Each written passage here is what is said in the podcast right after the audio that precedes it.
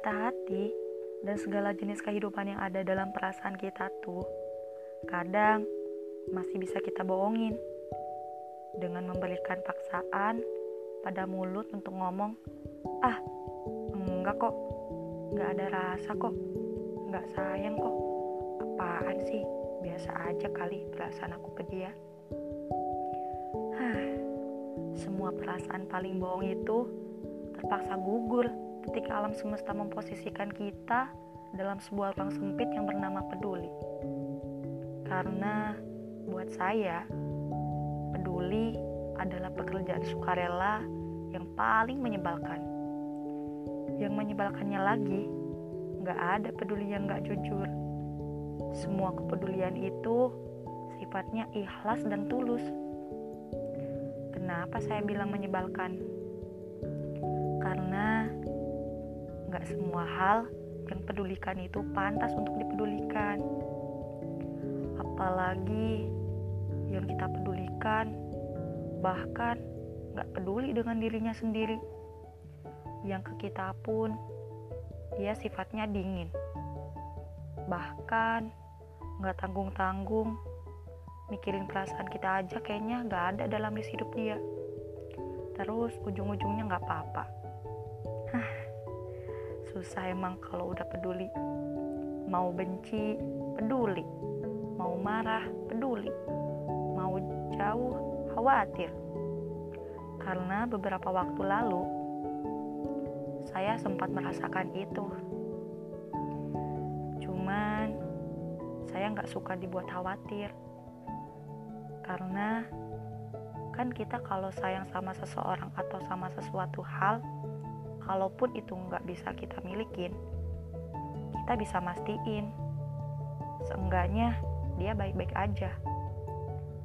Dan ketika ada sesuatu terjadi pada dia, seseorang yang bahkan gak perlu saya peduliin, gak perlu saya pikirin, yang bikin aku sampai deg-degan karena takut kenapa-napa gitu. Gak tahu, semua ini aneh. Saya benci sebenarnya harus mengatakan ini. Saya benci harus mengaku kalau saya khawatir. Dan saya mau dia selalu baik-baik aja. Walaupun saya tahu dia nggak peduli saya mau baik-baik aja atau enggak hah entahlah makin dewasa saya makin asing dengan sebutan pacar atau nggak tahu nggak tahu ini trauma atau males dengan hubungan sebelumnya. Tapi semuanya kayaknya sih lebih ke males aja gitu.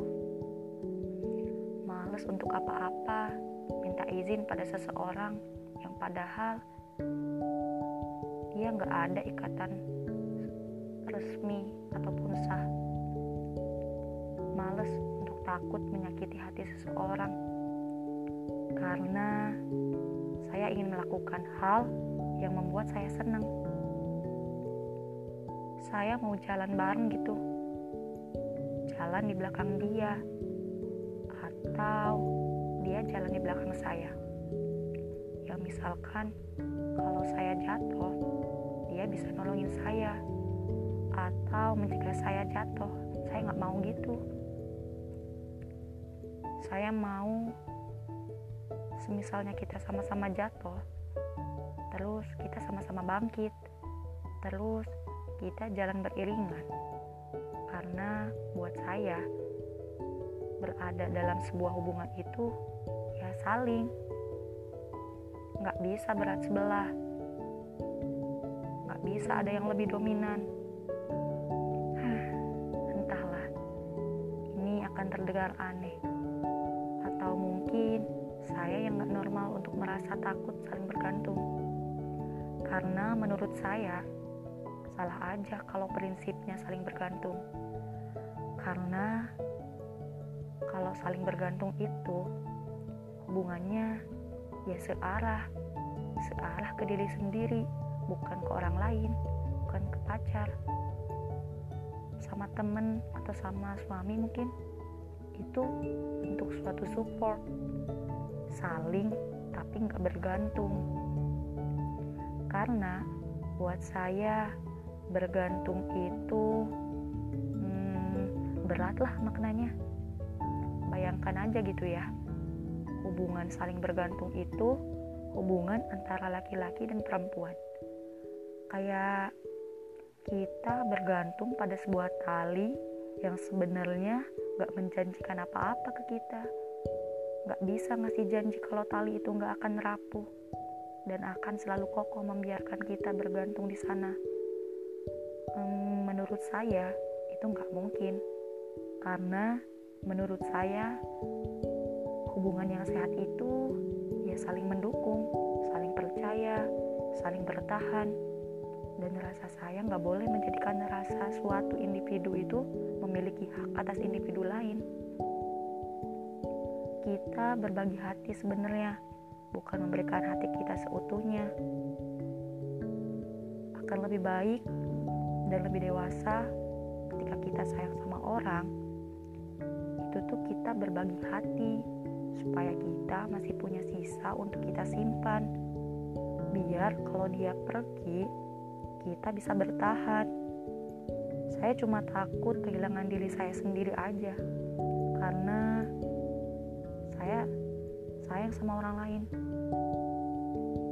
Itu bisa terjadi sama siapa pun.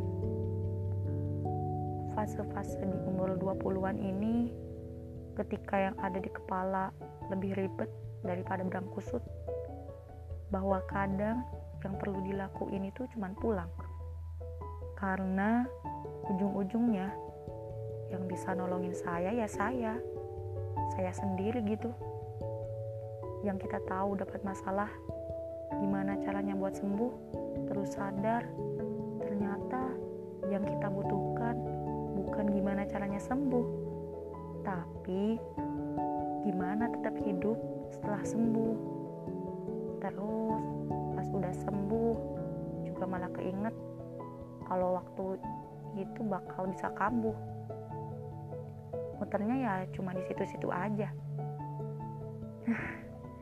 hati-hati ya kalau jatuh hati karena yang indah yang bisa redain lelah juga bisa menambah masalah nggak apa-apa semuanya harus kata orang kok beberapa hal emang lebih baik untuk tidak kelihatan dan harus terpapang nyata di depan mata.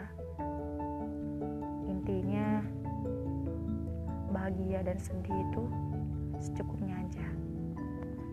you